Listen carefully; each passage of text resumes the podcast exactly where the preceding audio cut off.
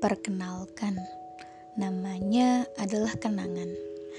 Ia lahir beberapa saat setelah kita lahir.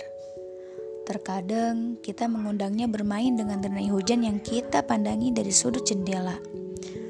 Terkadang lagi kita tertawa melihatnya bersenandung dengan lembayung. Kenangan bagikan api. Ia bisa menghangatkan atau membakar. Semua tergantung dari cara kita memandangnya.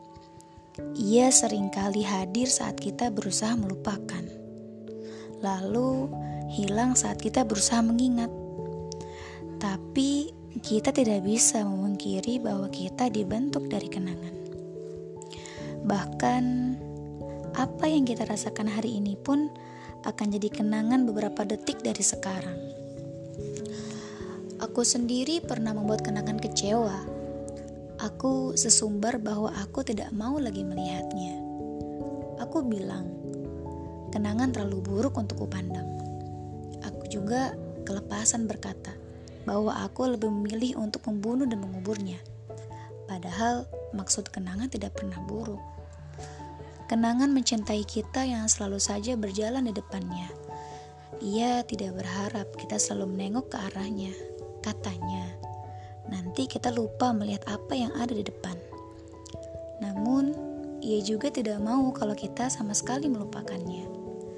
Dari mana kita akan belajar jika tidak mau lagi melihatnya barang sejenak?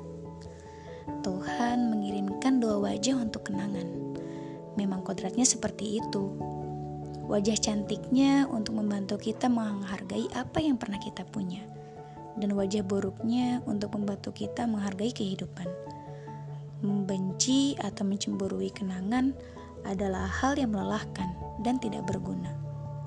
Sebab tempatnya selalu di belakang, sebagai kawan dan juga guru.